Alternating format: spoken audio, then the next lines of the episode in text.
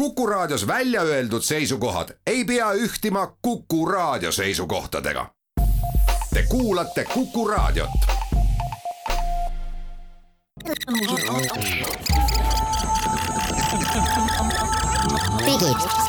digitund, digitund. Tere hommikust, head Kuku raadio kuulajad, on esmaspäev, kahekümne neljas jaanuar ja Digitunni saade on teiega. mina olen Andrus Raudsalu, minuga koos stuudios on Mait Tafenau, Kristjan Pillak ja erikülalisena Andri Allas. ja alustame võib-olla mõnedest õnnitlustest, et eh, möödunud nädalal siis Eesti startup'i kogukond andis välja oma iga-aastased eh, auhinnad eh, ja palju õnne kõigile auhinna saajatele, mõned ma tahan siin eetris ka ära öelda loomulikult parima asutaja auhinna sai Markus Villig, äh, Bolti asutaja ja noh, ütleme, et täna, kui me vaatame, mis Bolt on teinud, siis viimase umbes iga poole aasta tagant on nad tõstnud äh, umbes kuussada miljonit raha. Ja tänaseks on siis Bolti väärtus pea kaheksa miljardi euro juures, mis teeb neist hetkel ilmselt Eesti kõige kallima startup'i, sellepärast et Wise'i väärtus on viimastel kuudel kõvasti langenud ja hetkel on see alla seitsme miljardi aasta uue tulija auhinna sai Lightyear, äh, kes tõepoolest on teinud äh, märkimisväärse hüppe, ühe aastaga on siis ei millestki jõutud sinnani, et on tõstetud umbes kümme miljonit raha ja jõutud ka Ühendkuningriikide turule. parima investori auhinna sai Sten Tamkivi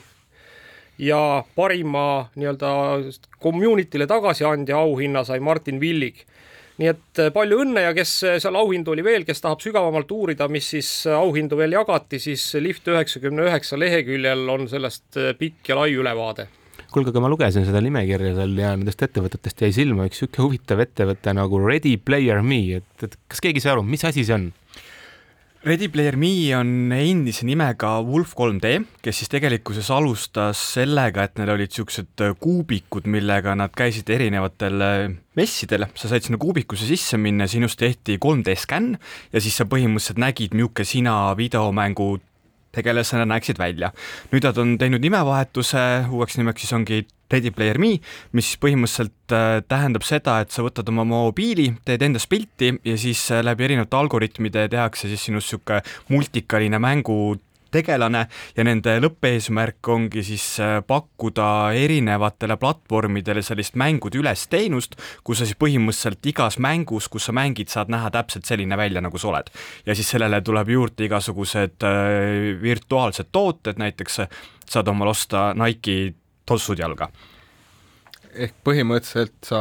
tavainimesena saad luua oma avatari, mida, mida sa saad hakata siis kasutama erinevates tulevikuplatvormides. aga kus seda täna saab kasutada? Eh, neil väidetavalt pidi umbes kümme tuhat klienti olema, aga seal midagi sellist suurt ja märkimisväärset ei eksisteeri praegu. nii palju, kui mina olen äh, materjalidest lugenud, siis nad on oma Äh, nii-öelda partnerite võrku kasvatanud päris kõvasti viimase aasta jooksul, et, et kui nüüd alguses sai seal kuskil võib-olla mingis paarikümnes või paarisajas mängus kasutada või noh, ütleme mängus ja erinevatel platvormidel, siis, siis tänaseks väidetavalt on see ikkagi tuhandetes. nii et äh, noh, jääme siis ootama, kui äh, Äh, Ready Player Me on maailma kõik inimesed ära digiteerinud. Aga rääkides Eesti startup'ide suurtest äh, saavutustest, siis, äh, siis ma arvan, et võib-olla kõige kõvem sõna eelmisel nädalal on ikkagi see, et Eesti, noh, osaliselt Eesti juurtega startup, mille siis kaasasutaja on Tanel Suurhants, USA firma ID.me Äh, saavutas siis sellise töövõidu, et äh, Ameerika maksuamet hakkab ID Me'd kasutama kõikide siis Ameerika tuludeklaratsioonide äh, sisestamisel inimeste tuvastamiseks ja noh, päris huvitav oli vaadata, et kuidas siis erinevad äh, tehnoloogia ajakirjanduse väljaanded siis äh, seda uudist kajastasid, et äh, oli neid väljaandeid, kes ütles, et ohohoh, et kes need küll niisugused metsast välja on tulnud, et täiesti tundmatud tüübid. aga, aga tegelikult oli ka täitsa asjalikke ülevaateid ja, ja, ja noh, ütleme, et, et täna siis see ID.me on ikkagi Ameerika toonud, ma arvan, et ühe sammuga nagu tänapäevale lähemale ehk siis põhimõtteliselt, kui sa tahad teha popi ettevõtet, siis sa pead lihtsalt panema omale see punkt me lõppu ja kohe saavutad edu. ei no teine võimalus on see, et sa saad USA maksuameti endale kliendiks, eks, et keda kõik ameeriklased kord aastas kasutama peavad, on ju aga, aga, aga, aga võib-olla sealt edasi, et, et, et rääkides veel siis äh, olulistest startup'i uudistest kiiresti, et äh, Certific on Eestis saadaval. ehk siis äh, Eesti startup, mis pakub äh, enda Covid testimise teenust äh, mobiilipõhist ja kes siis väljastab sulle ka sertifikaadi, millega on võimalik reisida Äh, ja, ja, ja noh, pikaaegselt olid nad saadaval ainult Ühendkuningriikides, aga nüüd siis ka Eestis ja tõepoolest tellisin endale ka sertifiku testi, tuli kohale, on täitsa võimalik teha, nii et väga tore. kuule, aga kuidas selle sertifikuga on, et kes teda üldse nagu tunnustavad, et kuhu ma sellega minna võin? Äh, ütleme nii, et, et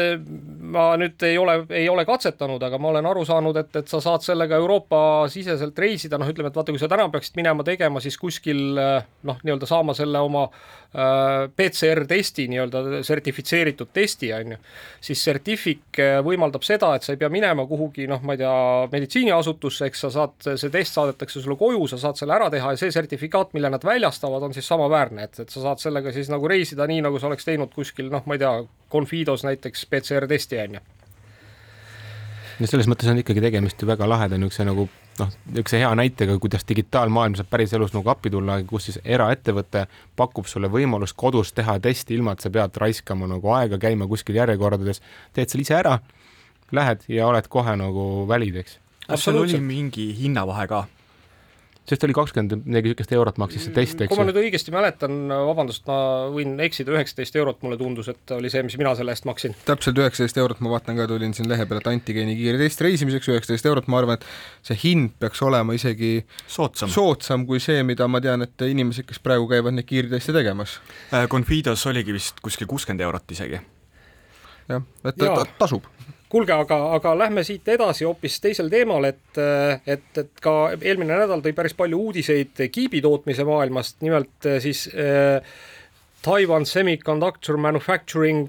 Company ehk TSMC kes teatavasti on kõikide Apple'i kiipide tootja, teatas siis seda, et nad on äh, järgmisel aastal investeerimas õigemini sellel aastal investeerimas nelikümmend neli miljardit selleks, et üle minna siis veel tihedamale kiibi äh, valmistamise protsessile ja noh, see tihedus tähendab kiibi juures tegelikult seda, et mida rohkem transistoreid sa ühele siis pindalaühikule suudad istutada, seda energiatõhusamad need kiibid on ja seda võimsamad nad on ja esimesed siis äh, uued kiibid peaks äh, saabuma juba selle aasta kolmandas kvartalis, eeldatakse, et ilmselt lähevad need Apple'i uutesse äh, protsessoritesse. Siinkohal on hea ka see, et ennustatakse kõvasti kiibi põua leevenemist, ehk siis kõik need elektroonikaseadmed, mis on praegu olnud kuskil ootel ja, ja mida me kõik pikisilmi ootame, peaksid hakkama kuskilt nurgast ikkagi edasi liikuma ja kusjuures noh, ütleme, et mis ka ilmselt aitab kaasa sellele kiibipõua leevenemisele, ka Intel teatas seda, et järgmise aasta jooksul kavatseb ta investeerida umbes sada miljardit uute kiibitehaste asutamisesse nii Ameerika Ühendriikides kui Euroopas.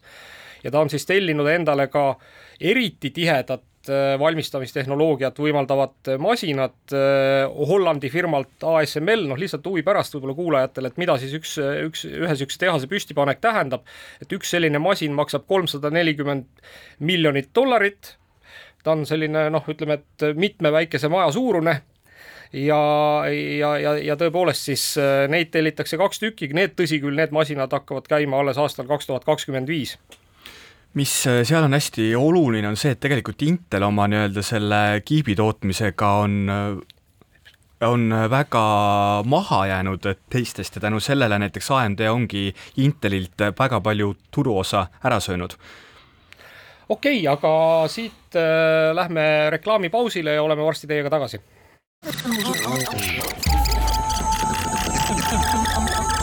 digid, digid digitund. digitund. head Kuku raadio kuulajad, tere tulemast tagasi Digitunni saadet kuulama äh, stuudios on Mait Tafenau, Kristjan Pillak, erikülalisena on meiega ka Andri Allas ja mina olen Andrus Raudsalu. jätkame oluliste uudiste teemadel ja võib-olla siis räägime natuke statistikast, nimelt saabus neljanda kvartali telefonide müügi statistika ja üllatus-üllatus, maailma kõige müüdum telefon oli Apple'i iPhone kahekümne kahe protsendiga. Teine teisel kohal siis on Samsung kahekümne protsendiga ja kolmandat ja neljandat kohta siis hoiavad enda käes tunnustatud Hiina, tootjad, kaheteist protsendiga on kolmandal kohal Xiaomi ja neljandal kohal on siis telefon, mida vist Eestis keegi näinud ei ole, on Oppo üheksa protsendiga. ma just tahtsingi küsida, kas keegi on kuskil Eestis suurtes poodides üldse niisugust telefoni müügil näinud, et ma olen näinud review si, ma olen näinud nagu teis-, toote testimisi, ma olen näinud, kvaliteet tundub olema super hea, aga Eestis ma ei ole seda kusagil nagu meie regioonis müügil näinud veel. tead, see vist on natuke paratamatus, et palju asju on maailmas, mis on meeletult populaarsed, aga need ongi suunatud pehmelt näiteks Aasia turule ja see ongi võimatu, et sa seda kuskilt saad või näed, sellepärast, aga samas maailma statistikas paistab see silma, sest tegemist on lihtsalt populistlikult väga suure riigiga. kuule, aga räägime ühest põnevast numbrist veel, mis on ilmselt on olnud ka alguses suunatud Aasia turule, nii et äh, äh saabus üks uus rekord äh,. Youtube'is on siis esimene video, mis on ületanud kümme miljardit vaatamist ja see ride, video on Pink Fongi Baby Shark. juhuu, ma võin öelda, et minu kodus on seda vähemalt vist tuhat kuulamist ikka antud sellele ehk siis sa oled selles osaliselt süüdi, jah? täpselt et, et päris huvitav on vaadata seda Youtube'i videote vaatamise arengut, et me mäletame, et esimene üle ühe miljardi vaatamise saanud video, millest oli väga palju juttu, oli Gangnam Style, täna on ta kuskil üheteistkümnendal kohal vist, kui ma ei eksi, umbes nelja miljardi vaatamisega teisel kohal on äh, meie kõigi armastatud ja vihatud Despacito umbes seitsme miljardiga. ja siis äh, tõepoolest Baby Shark on esimene, kusjuures Baby Sharkiga on huvitav ka see, et, et Baby Sharkist on tehtud tänaseks juba teleshow äh,, film ja ka coin. Coin, mille väärtus, ma saan aru, on ümar, sisuliselt ümmargune null. Eks see, eks see tuleb, tuleneb kindlasti sellest, et Baby Sharki nii-öelda sihtrühm on su sellised nelja-viie aastased, kes veel ei osta coin'e omale aga liigume siit edasi, et väga oluline uudis oli ka see, et TikTok ja Instagram katsetavad uusi tasulisi teenuseid, ehk siis sisuloojatel tekib ka nendel platvormidel lõpuks äh, tuluallikas, et äh, pigem on küsimus selles, et mulle tundub, et äh, selles maailmas on väga palju ka nagu teisi kanaleid, kes on nagu järjest tulnud, Youtube'is on niisugune võimalus olemas, ma ei tea, palju meie kohalikud äh, subscriber'id äh,, kogujad seda funktsiooni on kasutanud, aga Andri, sina vist mainisid, et põhimõtteliselt äh, mina teenin Youtube'ist iga kuu mingisugune viiskümmend eurot läbi selle, et minu Youtube'i kanalile on seal vajutatud join, nii et äh, ma arvan, et Eestis seda ikkagist äh, kasut-, kasutatakse, aga kõige esimene selline platvorm oli Patreon. ja siis tegelikkus ma ise oletan, et käibete mõttes sellist äh,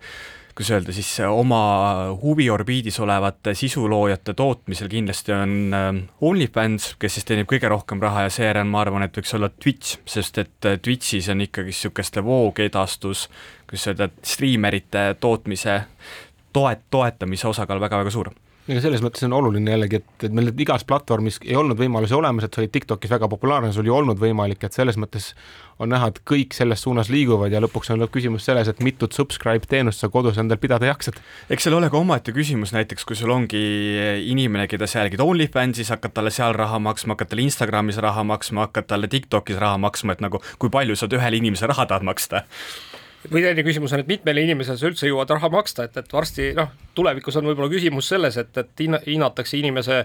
noh, edasijõudmist elus siis selle järgi, et mitut sisuloojat üleval pead mm. -hmm aga lähme siit edasi, et, et, et kui veel sotsiaalmeedia uudistest rääkida, siis Äh, noh, ütleme siis tänapäevase või noh, aja, ajamärgina võib, võib nimetada seda, et et siis nii Twitter kui ka Meta teatasid seda, et, et nüüd siis äh, Twitteris on juba Twitter Blue äh, tellijad saavad siis panna oma profiili pildiks NFT ja, ja Meta töötab siis selle kallal, et ka Instagramis ja Facebookis saaksid äh, inimesed NFT oma profiilipildi, pildiks panna ja lisaks siis äh, Meta tahab välja töötada ka NFT-de siis turu, äh, kus saaks nendega kaubelda ma arvan, et siin on ainult üks, üks lähenemine, et Digitund peab ka oma NFT-de kollektsiooni välja andma, kuna kõik, kõik, kõik müüvad ja kõik kauplevad sellega, et enam pääsu ei ole. palun ei mul on, ma arvan, et alla kümne tuhande me ei tee, eks, ühte troppi, on ju aga, aga lähme siit kiiresti edasi, aeg surub meid takka. ma arvan, et üks oluline uudis on ka see, et äh, USA-s on siis järjekordne katse sundida Apple'it äh, loobuma oma drakoonilistest äh, App Store'i hinnamudelitest, noh teatavasti on ju nii, et, et, et kõik see raha, mis App Store'i kaudu korjatakse, kolmkümmend protsenti sellest läheb Apple'ile ja ainult seitsekümmend protsenti siis tarkvaratootjale ja, ja, ja see on paljude tarkvaratootjate jaoks olnud äh, pikka aega probleemiks, noh, me kõik mäletame seda, et, et, et Epic Games äh, kaevas Apple'i kohtusse, Epic Games on siis tuntud mängu Fortnite'i tootja. Ja see kohtusaaga jätkub, ma arvan, et selle me võtame ükskord eraldi veel teemaks. aga nüüd siis on äh, tõepoolest Illinoisi senaatorid tulnud välja siis seaduse parandusega nimega Freedom to Subscribe Directly Act nii et ootame huviga, mis sellest saab ja kas tõesti siis toimuvad mingisugused muudatused äh, Apple'i App Store'i äh, ärimudelis, aga, aga oluline on siinkohal mainida, et näiteks sellised muudatused on toimunud juba Koreas, kus jõustunud seaduse alusel tõepoolest Apple on kohustatud pakkuma alternatiivseid maksevahend, maksemeetodeid. Ja ka Hollandis äh, just äsja siis nägi päevavalgust kohtulahend, mis ütles, et Apple peab pakkuma alternatiivseid maksemeetodeid kohtu, kohtingu äppides ma arvan, et see, see iseenesest, see idee on ju väga, väga üllas ja hea ja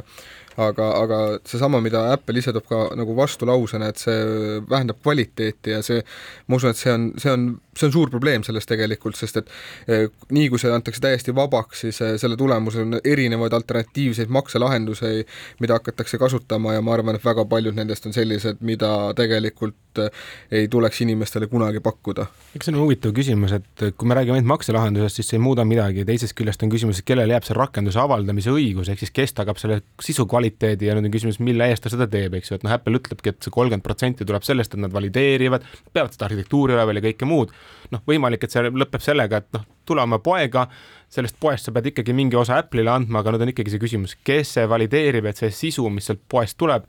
kuidas see protsess saab olema, et see on kindlasti põnev, aga noh, milline see olema saab, ega siin on raske isegi ennustada, neid variante on päris palju no,. vaata, ega selles mõttes, et, et äpi saab ju ikkagi Apple ära valideerida, et see äpp ei tegele mingisuguse jamaga, ei nuhi sinu järgi ja noh, tõepoolest ainuke küsimus on see, et noh, et et kas siis see maksemeetod nagu kuidagi suudab sinu raha nagu kõrvale panna, et, et, et, et see on see küsimus, aga aga noh, kui ka neid saab kuidagi valideerida, siis, siis ma arvan, et seal on võimalik leida täiesti mõistlik lahendus, aga kui me nüüd hüppame nagu veel selliste inimeste andmete kaitsmise juurde, siis siis väga huvitav lahendus tuli eelmisel nädalal Austriast, kus äh, Austria andmekaitse inspektsioon leidis siis, et Google Analyticsi kasutamine rikub äh, GDPR-i reegleid sellisel määral, et äh, Google Analytics tuleks ära keelata ja põhil-, põhiline siis, milles, milles oli probleem, on see, et ilmselt on Google Analytics olus-, oluliselt tagauksi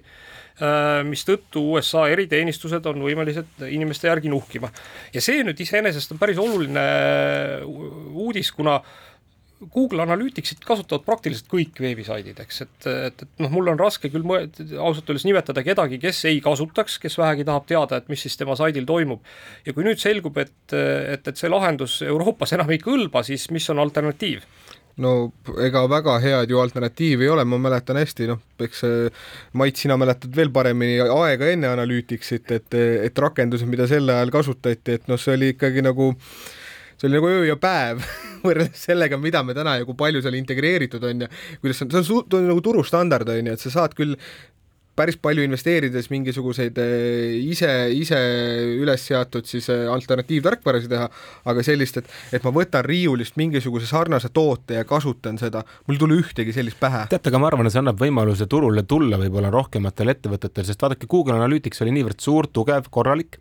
ja sul oli mugav sellega alustada ja see oligi peamine põhjus, miks võib-olla väga paljud teised kadusid lausa pildilt, sest lihtsalt niivõrd mugav tasuta alternatiiv oli.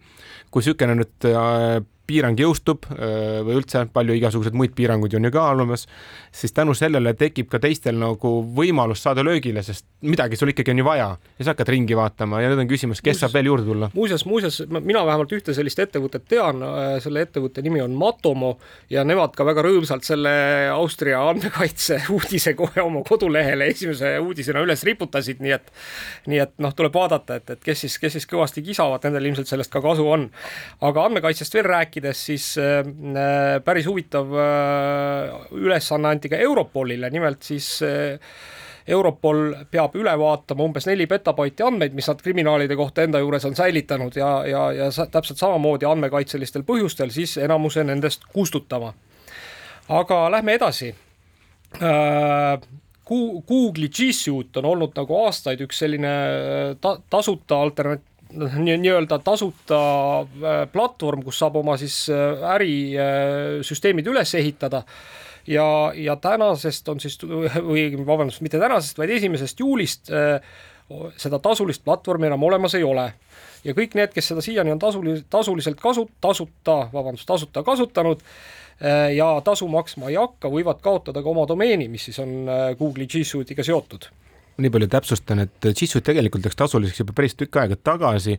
aga mis nüüd tänase uudise valguses muutub, on need, et kes early adapter'id olid, noh, kes siis päris alguses G Suite'i peale kolisid oma corporate email'id, ühesõnaga sul oli, ma ei tea, lõid omale ettevõtte või e-poe või mis iganes, panid kuskile email'id jooksma, panid G Suite'i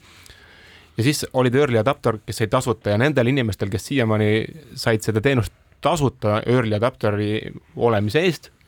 et see siis kaob ära.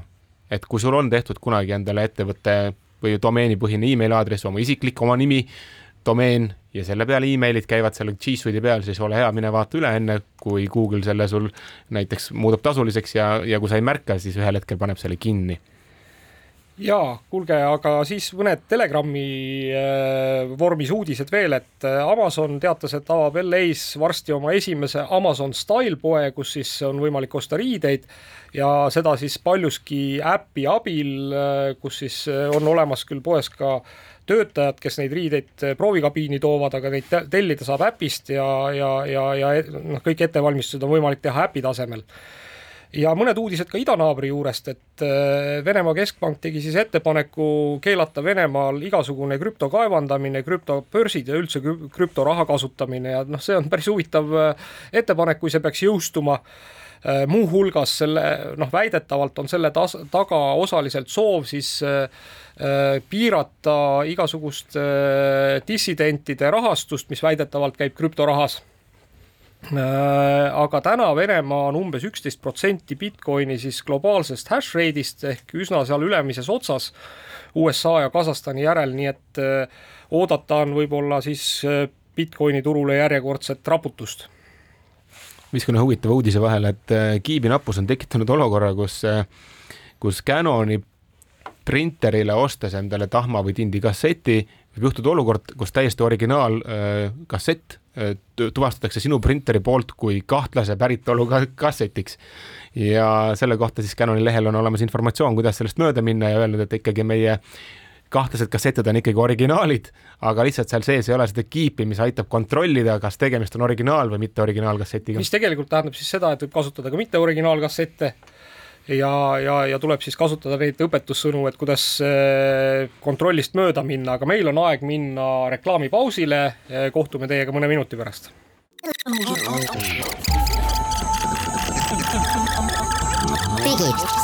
digitund, digitund.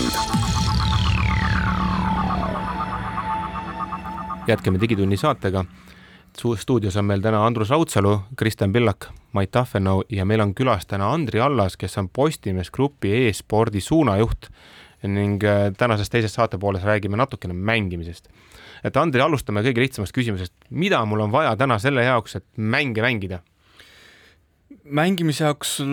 põhimõtteliselt äh, on vaja kas mobiili, konsooli, telekat, arvutit okei okay., aga mis need budget range'id on, et kust need mänguseadmed lähevad, et minu arust nagu telefonid, hinnaklassid, konsoolid, arvutid, no konsooliga on lihtne, kõik mängud seal töötavad. Telefonidega, nüüd on küsimus, et odava mäng, telefoniga vist väga ei mängi? Õnneks mobiilimängud on kõik niivõrd ära optimiseeritud, et sul tegelikkuses väga ei ole vahet, et kui sul nagu uus telefon on taskus, pole vahet, kas see maksab kakssada viiskümmend eurot või tuhat kakssada viiskümmend eurot. kõigiga saab mängida? jah, jah. aga kuidas arvutitega on, et mida mul on vaja mängimise jaoks, et kas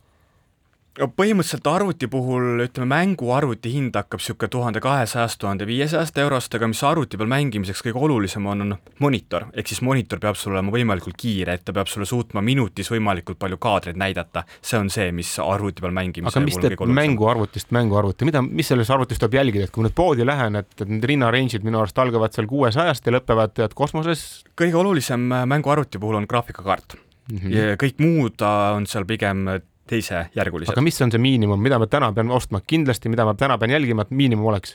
Äh, ilmselt miinimum on niisugune GTX tuhat kuussada kuuskümmend, aga kui sa tahad juba päriselt mängida, siis pigem RTX kaks tuhat kuuskümmend. okei okay., ja see umbes tuhande kahesajast kuni tuhande viiesajani võiks juba saada? no graafikakaardi ise saad sa niisugune viiesajast, aga võid ka maksa, maksta kaks ja pool tuhat selle graafikakaardi eest mm -hmm,. okei okay., aga aita mul nüüd üks oluline küsimus veel aru saada, et arvuti on olemas, et kui palju ma peaksin nüüd selle mänguga tegelema selle jaoks, et ma oleksin nüüd siis e-sportlane või kust maalt ikkagi läheb, et tavaline käimerlus? no e-sportlane põhimõtteliselt tähendabki seda, et sa professionaalsel tasemel võistled videomängudes ja e-sportlased ise kasutavad väljendit selle kohta, et kui sa ühte mängu oled mänginud rohkem kui kümme tuhat tundi, siis sa ilmselt oled saavutanud sellised oskused ja reageerimiskiiruse, et sa võiksid maailma tasemel mängida. Kuule, aga see kümme tuhat tundi minu arust käib ka kõikide muude asjade kohta, viiuli mängimise, noh, ma ei tea, kitarri mängimise äh,, ma ei tea, hularõnga keerutamise ja kõikide muude asjade kohta, et, et, et siis on tore, et, et see vähemalt arvutimaailmas on sama, et, et minu arust ongi kõige olulisem see, et et kui inimene tahab tõesti saada arvutimänguriks, siis, siis noh, ma arvan, et märkimisväärselt suurem äh, kulutus on need tunnid, mis tuleb sinna sisse panna versus siis see riistvara, mis osta tuleb, aga aga kuulge, tegelikult me jätsime ühe ja ilmselt eelmise nädala kõige äh, mahlakama ja kõige olulisema uudise just siia plokki, et, et arutada seda läbi ka Andriga. Ja see uudis puudutab siis seda, et eelmine nädal tehti teatavaks, et Microsoft kavatseb osta äh, mängutootja Activision Blizzardi, makstes selle eest kuuskümmend kaheksa koma seitse miljardit dollarit see on äh, Microsofti seni suurim äh, ost, nii-öelda ostutehing, senine suurim minu mäletamist mööda oli LinkedIni ost, mille eest maksti umbes kakskümmend kuus miljardit dollarit. Ja, ja, ja see kuuskümmend kaheksa koma seitse miljardit dollarit makstakse kõik cash'is kuule, aga minu arust ilmestab see väga hästi, et kui väga oluliseks ja järjest olulisemaks üldse seda valdkonda peetakse, et kui varem olid mängijad niisugused kahtlased tüübid, kes noh, ema alati pahandas lapsega, kes umbes liiga palju mängib mänge, eks ju, siis noh, on näha, et ikkagi nagu nii suured investeeringud mängumaailma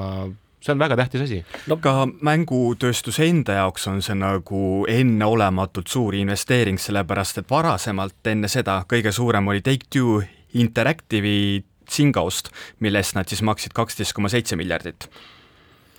okei okay,, aga noh, ega selles mõttes see näitab ka Microsofti äh, ambitsiooni, eks tulevikus vallutada meie elutuba. et noh, tegelikult kui me vaatame, siis Microsoft on ikkagi aastate jooksul väga osavalt ja märkamatult vallutanud meie kontori äh, Äh, noh, näidake mulle üks ettevõte, kes kuskil ei kasuta ühtegi Microsofti toodet, noh kindlasti on neid olemas, aga päris raske on äh, sealt üle või ümber saada, eriti kui me räägime just noh, nii-öelda nendest nii-öelda kontoritarkvarast, äh, aga nüüd järgmine ilmselt lahingutander ongi elutuba, et Microsoft on seda küll Xboxiga nagu mõnda aega juba rünnanud, aga, aga nüüd siis selgelt on Microsoftil mitte ainult Xbox, vaid ka Xboxi sees käiv tarkvara ja, ja, ja ma ei tea, võib-olla me peaksimegi rääkima Microsoft Game, Gamepassist kui ühest sellisest äh, salauksest, millega üritatakse kõikide kodudesse ronida. Gamepass on siis põhimõtteliselt äh, kuu kuumaksupõhine videomängude teenus, kus sa siis pääsed juurte, juurtepääsu teatud hulgale mäng, mängudele. Gamepassi saad sa siis kasutada nii Xboxi peal kui ka arvuti peal ja arvuti peal on seal praegu üle kahesaja mängu ehk siis äh, põhimõtteliselt, mis Microsoft proovibki teha, et äh, Microsoftil endal ei ole seni olnud väga häid mängustuudioid. Ja nüüd läbi nende erinevate ostutehingute nad lihtsalt nagu omandavad mängustuudioid, mida siis kõik sinna Gamepassi lükata. Ja viimastel andmetel on Gamepassil kakskümmend viis miljonit kasutajat. Okei okay,, äh, ühesõnaga, kas me tulevikus, noh, mul on niisugune tunne, et, et, et üks selline äh, Äh, konspiratsiooniteooria hakkas minu peas keerlema, et, et tulevikus on äh, võib-olla Microsoft loobub üldse konsoolide tootmisest, sest olgem ausad, äh, Sony on oma Playstationi tootmisel olnud ikkagi natuke edukam kui Microsoft oma Xbox'i tootmisel. ja, ja, ja, ja, ja, ja noh, ühel hetkel me leiame selle Gamepassi ka Playstationi pealt ja leiame selle Gamepassi igasuguste muude riistvaralahenduste pealt ja, ja lõppkokkuvõttes on ikkagi Microsoft kohal, kuigi enam riistvara ei toodeta. ma olen selles, ütleme nii, et enda sees on täiesti kindel sellises arengus, et ma arvan, et kuhu me liigume, ongi see, et, et on see nii-öelda pilvepõhine mängimine kõigest tuleb ühel hetkel Microsoft ongi arendamas oma seda X-Cloud teenust, mis siis põhimõtteliselt tähendabki seda, et sul on vaja lihtsalt äh, ekraani, millel on juurdepääs internetile, aga see, et äh, me PlayStationi konsooli peal Gamepassi näeme, seda ma ei usu, sellepärast et Sony nüüd kuulujuttude põhjal on arendana, arendamas ise oma Gamepassi teenust, mis siis peaks ilmuma sellele, sellele kevadel mul muidugi siia vahele tahaks öelda, et, et need jutud on, et Sony kohe-kohe tuleb mingi Gamepassi laadse teenusega turule, on olnud vist noh, noh, ma ei tea, mulle tundub küll vähemalt viis aastat juba moel või teisel nagu ringlemas. no ta mingil kujul ka tegelikult on tulnud, seepärast et meil on Playstationi peal niisugune teenus nagu PlayStation Now ja siis meil on selline teenus nagu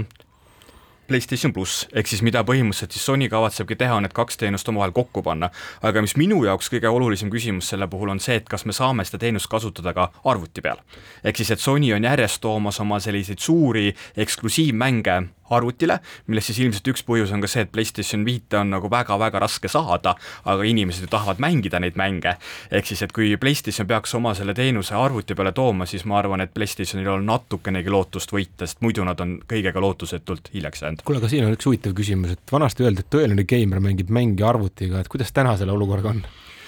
Äh, küsimus on selles, mis asi on tõeline geimer, sellepärast et kui sul viiskümmend üks protsenti eh, kogu mängutööstuse käibest tuleb mobiilimängude pealt, et siis tegelikult nagu sellised tõsimeelsed mängurid ütlevad, et mobiilimängud ei ole mängud, on ju, et äh, ma arvan, et see piir on väga-väga hägustumas. kuidas see mänguelamus on, kumbal pool parema elamuse saab?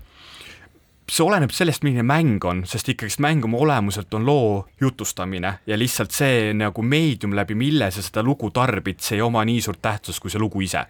Mait, katsu sa Pokemon Go'd oma lauaarvutiga mängida jookseb mööda linna ringi sellega vaikselt. aga teistpidi, et võtame mingi shooter'i, et kuidas sa mängid seda telefoni peal nii edukalt kui arvuti peal? no sa saad mobiilile väga lihtsasti panna külge puldi näiteks ja siis täpselt sama, samamoodi mängida, et me näiteks mobiili peal me näemegi pubki ehk siis äh, Player Unknown Battlegrounds, mis on nagu mobiilide peal väga-väga suur e-spordimäng. nii et lühidalt tegelikult ikkagi need platvormid on ühtlustunud ja see graafiku elamus no mobiilid ikkagist jäävad maha, aga ma arvan, et see pigem on ainult aja küsimus ja seal ilmselt hakkabki kõige suuremat rolli mängima seesama Microsoft X-Cloudi laadne teenus, kus sul mänguvahendiks on lõpuks lihtsalt ekraan ja internet. aga ma arvan, mis, mis, mis päris hästi võib-olla illustreerib seda, et, et, et kes ikkagi või noh, et, et mis siis on need noh, kõige vägevamad mängud või, või, või, või, või kus neid kõige rohkem mängitakse, on ka see, et kui me vaatame, et kes on siis maailma kõige, kõige suuremad mängutootjad, siis number üks mängutootja maailmas üllatus-üllatus on Tencent, kes äh, ikkagi toodab mänge nagu mobiilile, eks mitte, mitte nagu konsoolile või, või lauaarvutile. mis Tencenti puhul on hästi oluline, on see, et Tencent tegelikult ise ei tooda midagi, nad on põhimõtteliselt no, siis nagu ostnud äh, väga palju ettevõtteid, kes toodavad neid mänge. Ja Tencent natukene mängutööstuse puhul ongi niisugune kurja juur, ehk siis et põhimõtteliselt kõik need ettevõtted, mis see Tencent on ära omandanud, on alla käinud. ahah, vot nüüd on, nüüd on päris huvitav muidugi, et, et mis siis saab Activisioni ja Blizzardiga, et et hetkel ju Microsoft hakkab väga palju välja nägema samasugune, et Microsoftil on vist pärast seda, selle diili lukkulöömist on kolmkümmend kaks mängustuudiot ja Sony, kes tegelikult on ju suurem äh, mängutootja, vähemalt oma käibe poolest kui Microsoft, Sonyl on ainult seitseteist, nii et, et, et, et siis maailma mängutootjad ettevõtete esikolmik ongi selline, et esimesel kohal on Tencent, teisel kohal Sony ja kolmandal kohal Microsoft. Äh, seal, mis on hästi oluline ära märkida, on see, et põhimõtteliselt PlayStation on ise kõik need mängustuudiod oma loonud ja Microsoft ongi kõik kokku ostnud. ja, jah aga noh, see, kuidas see ikkagi äh, turgu mõjutab, näitab ka seda, et, et selle uudise peale ikkagi Sony kaotas oma väärt, turuväärtusest kakskümmend miljardit, mis ei ole üldse nagu kommiraha, nii et nii et, et, et selles mõttes, aga muuseas rääkides rahast, äh, päris huvitav on see, et, et, et korraga vaadata ajalukku, et, et mis siis on selle Activisioni ajalugu, et et Activision on tegelikult olnud äh, väga pikalt ühe inimese juhtimise all ja siis äh, härra Kotik, kes siis Activisioni noh, nii-öelda nii omanik kui ka juht on olnud, ostis ta kolmkümmend üks aastat tagasi neljasaja tuhande dollari eest. Ja tegu oli tollel hetkel pankrotti mineva ettevõttega, nii et ütleme, et nelisada tuhat kasvatada seitsmekümne, peaaegu et seitsmekümne miljardini on päris hea diil, isegi kolmekümne aastaga. Ja, ja, ja, ja noh, ütleme, et, et mina mäletan ka seda, et, et Eh, War, noh, mina mäletan Blizzardit veel sellele, sellest ajast, kui ta Activisioni alla ei kuulunud ja, ja World of Warcraft ei olnud olemas, oli lihtsalt Warcraft, nii et eh, kõik need eh, noh, nii-öelda staarmängud on tulnud tegelikult aegade jooksul ja, ja mis seal on, rääkides Kotikust, siis on hästi oluline ära märkida, et tegelikult Kotik on põhimõtteliselt ainuisikuliselt süüdi üldse selles, miks Blizzardil viimane aasta nii raske on olnud, ehk siis, et kui sa võtad kas või Activision Blizzardi aktsia, siis see on viimase aastaga kolmkümmend viis protsenti kukkunud. ja seal ongi nagu noh, ehk siis see põhimõtteliselt kogu probleem seisneb juhtimisvigades ja väga halvas ettevõtte sisekliimas, mille peale siis Bill Spencer ütleski, ehk siis X, Xbox'i juht, et nad peavad üle vaatama omapoolse suhtumise Activision Blizzardisse ja selle siis lõpptulemus oligi see, et nad said ettevõtte ära osta ja noh, minu arust, mis hästi illustreerib seda Activisioni halba olukorda, on see, et, et seal on olnud kõvasti igasuguseid ahistamisjuhtumeid, mida on siis ka ikkagi ajakirjanduses kirjeldatud. ja ma arvan, et kõige naljakam on see, et, et üks siis nende divisjonidest nimega Raven on streikimas ja juba seitsmendast detsembrist see streik kestab siiamaani ja noh, kujutate nüüd ette, et Ameerikas on siis ettevõte, kes streigib. kuule, aga siin on üks teine põnev küsimus ka niisuguse olukorra kohta, kus Microsoft on äh, korduvalt ostnud ära väga kalleid ettevõtteid ja need ettevõtted enamus on kuidagi turult ära kadunud või vähemalt niisuguse nurga pealt, et noh, alustades MSN-i ja kõige muuga, lõpetades ka minu pärast Skype'iga, mida me nagu järjest vähem teame, et kuidas, kuidas te ennustate? ei tea, no vaata, LinkedIn on jällegi saanud päris hästi jalad alla, minu arust tundub viimasel ajal. Microsofti puhul äh, ta mängutööstuses on pigem niisugune pailapse rollis, et kõik need ettevõtted, mida nad on ära omandanud, nad käituvad nendega väga-väga hästi kuulge, aga selle rõõmsa uudisega siis mänguritele, et, et ikkagi mängud on sattunud pigem nagu headesse kätesse, lähme praegu siit reklaamipausile.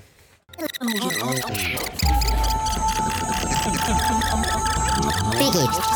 digi, digi, digi, digitund, digitund. Tere tulemast tagasi Digitundi kuulama, meil on stuudios Andrus Raudsalu, Kristjan Pillak, Mait Ahvenau ja meil on külas Andri Allas, kes siis räägib meile mängudest ja mängudest me juba natukene varem rääkisime, aga liigume mängudest edasi, et, et kui ma nüüd ostsin endale selle vägeva mänguarvuti kodus, siis mis on need ägedad mängud, mida ma täna võiksin mängida? Seal hästi oleneb, mis su enda maitse on või milliste mängudega sa kunagi kas või lapsepõlves kokku olen puut-, oled kokku puutunud, kas sulle meeldib äh, tulistamine, kas sulle meeldib autosõit, kas sulle meeldib strateegia, kas sulle meeldivad äh, põrgumängud? aga võtaks igast kategooriast ühe, et, et alustame nagu noh, mis on, mis on see äge shooter? no kõige-kõige popim Eestis on ikkagist Counter Strike, sealt edasi on Call of Duty, äh, Fortnite samamoodi okei okay,, aga mängusõidust? no ralli, ralli on see, mis on kõige-kõige põhilisem, ehk siis äh, Dirt Rally, WRC. okei okay,, ja strateegia? Äh, strateegiamängud on sellised ähm, väga, kuidas öelda, raske žanr, sest kui me mõtleme selliste reaalaja strateegiamängude peale, näiteks nagu Age of Empires ja Starcraft, et need on nagu pigem hakanud ära kukkuma, aga siin on asemele tulnud sellised viis versus viis online mängud, näiteks nagu League of Legends ja Dota aga kas nendel kõigil on, toimuvad ka võistlused, kas ma nende kõigiga võin e-spordis ka kuhugi jõudma, kulutan nendesse mängudesse nüüd nagu kokku räägitud kümme tuhat tundi? kõik need, mis ma siin praegu nimetasin, kõigis nendes sa saad mingil kujul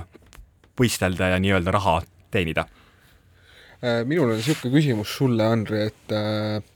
need mängud, mida mängitakse, on popid, aga, aga kui sa ütleksid meile sellel aastal neli mängu, mida sa kõige rohkem ise ootad uh,? Dying Light kaks on niisugune mäng, mis nüüd veebruari alguses tuleb kohe välja, mul on Dying Light ühte, ma pean üheks enda lemmikvideomänguks, siis uh, Horizon Forbidden West, mis on uh, uh, Sony niisugune loo, loopõhine mäng uh, ja muidugi God of War uh, Ragnarok, mis on ka aga teistpidi, kui ma ei taha mängida online'is, ma tahan mängida omaette kodus vaikselt nokitsedes, mis mängud need on? Äh, kõik need kolm, mis ma nimetasin, põhimõtteliselt oleksidki need. okei, okei, aga see Eestist, Eesti mängudest rääkides, et kuidas Eestil mängumaailmas läheb? Äh, kui Eesti peab ennast niisuguseks suureks e-riigiks, siis millegipärast nagu mängutööstus on niisugune, et ah, mis see on, on ju, et väga-väga nega-, negatiivse kuju, kuvandiga on see Eestis, aga meil äh, kaks aastat tagasi tuli välja selline mäng nagu Disco Elysium, mis nüüd ka möödunud aastal jõudis äh, konsoolide peale ja see on siiani üks väga-väga müüdud mäng ja väga-väga hinnatud mäng, et sa võtad ükstaskõik mis äh, mänguportaali läbi ajaloo top videomängude listi ette, seal on kindlasti see mäng sees. okei okay,, ja kuidas meil läheb e-sportlastel, kes on Eesti parimad e-sportlased? Äh, Eestis on äh, mõni, mõni üksik on, nendest kindlasti kõige tuntum on Papi, kes siis mängib Totat ja nüüd siis noor CSGO mängija Rops, kes on professionaalne e-sportlane juba viimased kuus aastat, ehk siis aastaks kaks, kaks tuhat viisteist ja tema vahetas just oma tiimi, enne ta mängis Mausis ja nüüd ta mängib sellises tiimis nagu Face Clan. miks see on hästi-hästi oluline, on see, et kui sa oled vaadanud või jälginud Ropsi tegemisi erinevatel suurturniiridel, siis millegipärast Mousil ei ole see kunagi väga hästi läinud. ja see ei ole kunagi tänu Ropsile, sest et Rops on alati nagu turniiri äh, parimate mängide, mängijate seas, aga nende võistkond ei ole. ehk siis, et nüüd kõik loodavad, et tänu sellele, et äh, Maus Rops läks äh, Face Clani, me hakkame nüüd nägema, milleks päriselt Rops on võimeline ehk CS on siis oma olemuselt, kus ta mängib, on ju, on siis nagu tiimimäng, et äh, sellest sõltub see sinu edu? jah, see on viis, viis versus viis äh, strateegiline tulistamismäng. ehk siis võiks öelda, et parim mängija ei taga, et sul on parim meeskond, ikkagi meeskonnamäng ja soolomäng on kaks erinevat asja. loomulikult, jah. see on nagu ka jalgpallis üks, ükstaskõik millises aga kuidas seal on tegelikult huvitav, ongi see jalgpalli paralleel, on ju, et ma tean, et et kui sa võtad oma tiimi, viiese tiimi, on ju, ilmselt seal on ka varumängijad olemas, on ju, seal mm -hmm, tiimis, seal on mm -hmm. psühholoogiline nõustamine ja kõik muud asjad, mida sinna juurde vaja on saada, on ju, treeningud ja asjad, siis äh, kas, äh, kui ma ostan kokku tiimi mänedžerina viis tippu, kas see tagab ka mulle edu? tead, ma isegi ütleks selle kohta niisuguse näite, et üks lahe film on tõsielu baasil Moneyball Brad Pittiga, kus väga hästi näidati, kuidas tegelikult tippudest loobumine aitab sellepärast, et sa pead vaatama hoopis seda average'i kõigi peale kokku ja tänu sellele, et see average läheb kõrgemaks, noh, Erki Nool võitis ju samamoodi olümpia, eks ju, kuigi ta ei olnud kõikides alades maailma parim, aga ta tegi kõigis väga hea tulema, mis siis tagas üldpildist palju parema tulemuse. mis äh, CSGO puhul on hästi üllatav kõrvaltvaatajana, on see, et tegelikult sellel viiel mängijal on erinevad rollid, mida ta siis peab täitma, ehk siis et näiteks Rops ongi Ropsi roll on see, et kui tiim läheb ühes suunas, siis tema üksinda läheb teises suunas ja tema peab tekitama võimalikult palju pahandust ja möllu selle jaoks, et vastastiim satuks segadusse, hakkaks tegelema Ropsiga ja siis ülejäänud neli liiget siis saaksid nagu selle ülesande ära täita nii, aga mina, ma hoopis siit tahaks, äh, kui te hakkasite Eesti mängutegijatest rääkima, ma tahaks tuua korra väikse ajaloolise finessi ka sisse, et, et ma arvan, et, et kõige kuulsamad Eesti mängutegijad on siiski Blue Moon Software, kes, kes teatavasti on siis Jaan Tallinn, Ahti Heinla ja Priit Kasesalu, kes ennem seda, kui nad siis ehitasid Kasa, millest hiljem sai siis ka Skype, ehitasid tegelikult terve rea arvutimänge ja, ja, ja minu arust vist äh, vähemalt üks Thunder Brigade on nagu ka ikkagi suhteliselt niisugune tunnustatud ja mängitud mänge. seal minu meelest on neid veel ja ma olen kuulnud legende, kuidas kõik need tüübid ostsid kaheksakümnendate lõpus oma esimesed autod just äh, tänu sellele, et nad tegid mänge ja need mäng, mängud müüsid kuule, aga räägime, räägime võib-olla veel äh, selles mõttes äh, mõnedest mängudest, mida sellel aastal oodata tasub, et, äh, et, et minu arvates noh, mida üks, üks mäng vähemalt, mida mina väga ootan, on Starfield mm. -hmm mis on siis Pedesta stuudiost kuskil ilmselt sügisel, novembris tõenäoliselt välja tulev siis selline äh, kahekümne neljandal sajandil toimuv mäng kuskil siis äh, koloniaalplaneetidel toimuvas sõjas. et et, et tegu on suhteliselt suure ja eepilise väljaandega, et, et, et see kindlasti on üks asi, mis tasub panna oma nii-öelda radariekraanile. Millegipärast on tavaliselt välja kujunenud niimoodi, et aasta algus äh, on pigem uute mängude puhul väga rahulik. Äh, tavaliselt niisugune suve alguse poole, kui toimub E3, siis kuulutatakse sellised kõige-kõige suuremad ja olulisemad mängud välja. suve lõpus toimub mängumess Gamescom, mida nüüd noh, kumbagi nendest mängumessidest ei ole paar aastat toimunud tänu, teadagi tänu millele. Äh, siis Gamescomil sa saad neid mänge mängida ja siis aasta lõpul ilmuvad need mängud et siis sellepärast mul oli ka raske nelja mängu nimetada, et mis minu jaoks sellel aastal kõige oodatumad on. aga Andri, sulle tegelikult küsimus veel, et, et noh, kui me räägime nendest mängudest ja mida sa ootad ja mis on tulemas ja mis on populaarne, aga, aga aga kuna ma tean, et sa tegeled väga palju ka neid turniire siin Eestis, et mis on Eestis kõige populaarsemad turniirid ja mida seal on oodata sellel aastal? Äh, kindlasti Eestis vaieldamatult kõige populaarsem mäng on CS GO CS-GO-s loodame jätkata e-Postimehes CS-GO liigaga ja teha ka sinna kõrvale selline väiksem pühapäeva mängijatele mõeldud tur-, turniir. ehk siis Rahvaliiga? jah, täpselt. kuule, aga kuhu ma pean minema selle jaoks, et osaleda turniiril või mis ma pean tegema?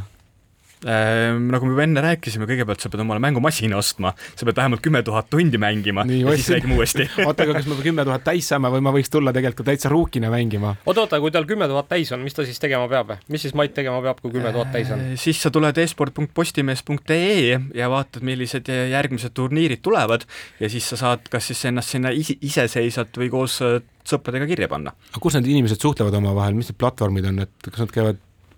no mängurite jaoks praegu põhiline suhtlusplatvorm on Discord okei okay,, meil on mingi oma kanal siis ühesõnaga, kus ta siis e Postimees e-spordil on seal täiesti oma kanal, kus on üle tuhande inimese ja kõik ootavad, et sina oma uue arvutiga tuleksid sinna ja ütleksid, et sa nüüd tahad nendega mängida. ja loodetavasti enne, kui sa kümme tuhat täis saad, et siis saab, siis sa ei hakka seal väga palju konkureerima veel. vot see on niisugune miinimum. no ma katsun mõelda selle peale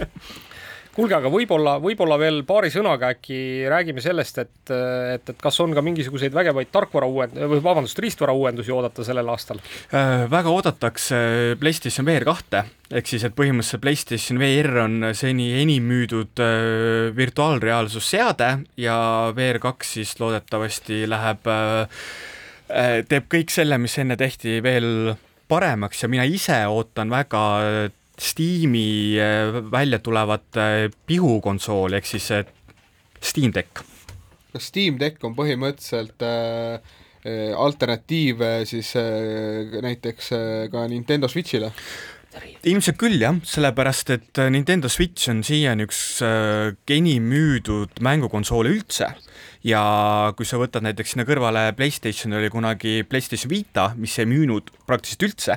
ehk siis, et põhimõtteliselt Steam Deck proovib siis äh, mängud tuua kaasa sinuga ja siis läbi selle, et Steamis on nii palju mänge, siis sa saad kõiki neid seal peal mängida. Kuulge, aga siinkohal äh, meie saade on lähenenud oma lõpule ja me peame otsad kokku tõmbama. ma tänan kõiki kuulajaid. Äh, kohtume teiega juba järgmisel nädalal ja ütlen teile veel ühe olulise äh, lisamärkuse, et, et kõik need asjad, mis meil täna siin rääkimata jäid ja ka mõned muud asjad, millest me rääkisime, nende viiteid saate leida Digitunni Facebooki lehelt, mille aadressiks on The Real Digitund. nii et äh, näeme siis, kohtume teiega juba Facebooki vahendusel kohe ja vähe, tund vähem kui nädala pärast äh, raadioeetris.